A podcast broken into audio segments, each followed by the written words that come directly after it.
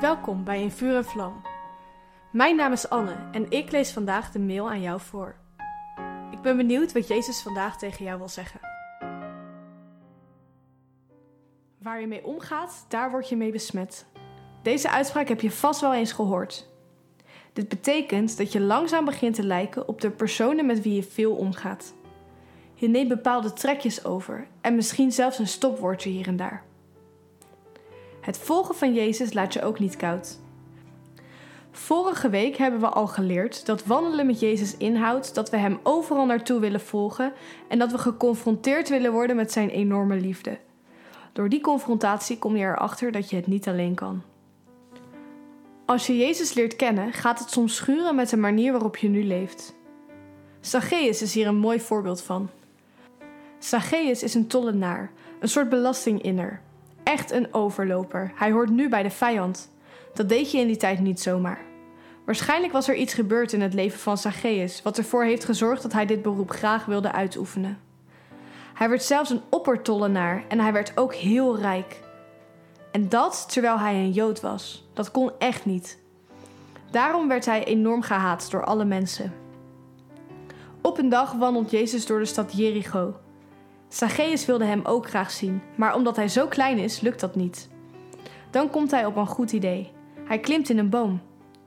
Maar als Jezus langsloopt, loopt hij niet door. Deze liefdevolle rabbi kijkt omhoog en vraagt: Zacchaeus, mag ik bij jou eten? Lees de rest van het verhaal eens in Lucas 19, vers 1 tot 10.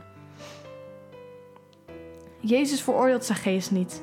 Hij begint niet eens over het oplichten of over het afpersen.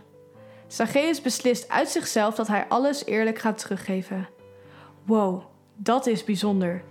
Wanneer je Jezus binnenlaat in je leven, gaan sommige dingen schuren. En dan weet je wat je moet veranderen.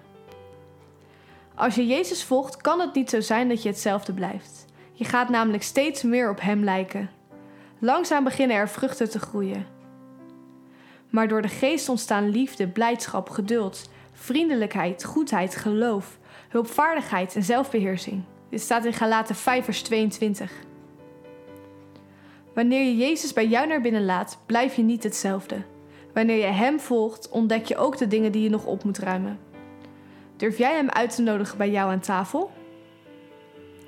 Vader, dank u wel dat u mij ziet. Dank u wel dat het niet uitmaakt wat ik heb gedaan. Ik nodig u uit om mij te laten zien wat ik nog moet opruimen. In Jezus' naam. Amen. Wat leuk dat je hebt geluisterd naar In Vuur en Vlam. Heeft de tekst je geholpen om God beter te leren kennen? Deel In Vuur en Vlam dan met je vrienden. Meld ze aan op streef.nl slash in vuur en vlam.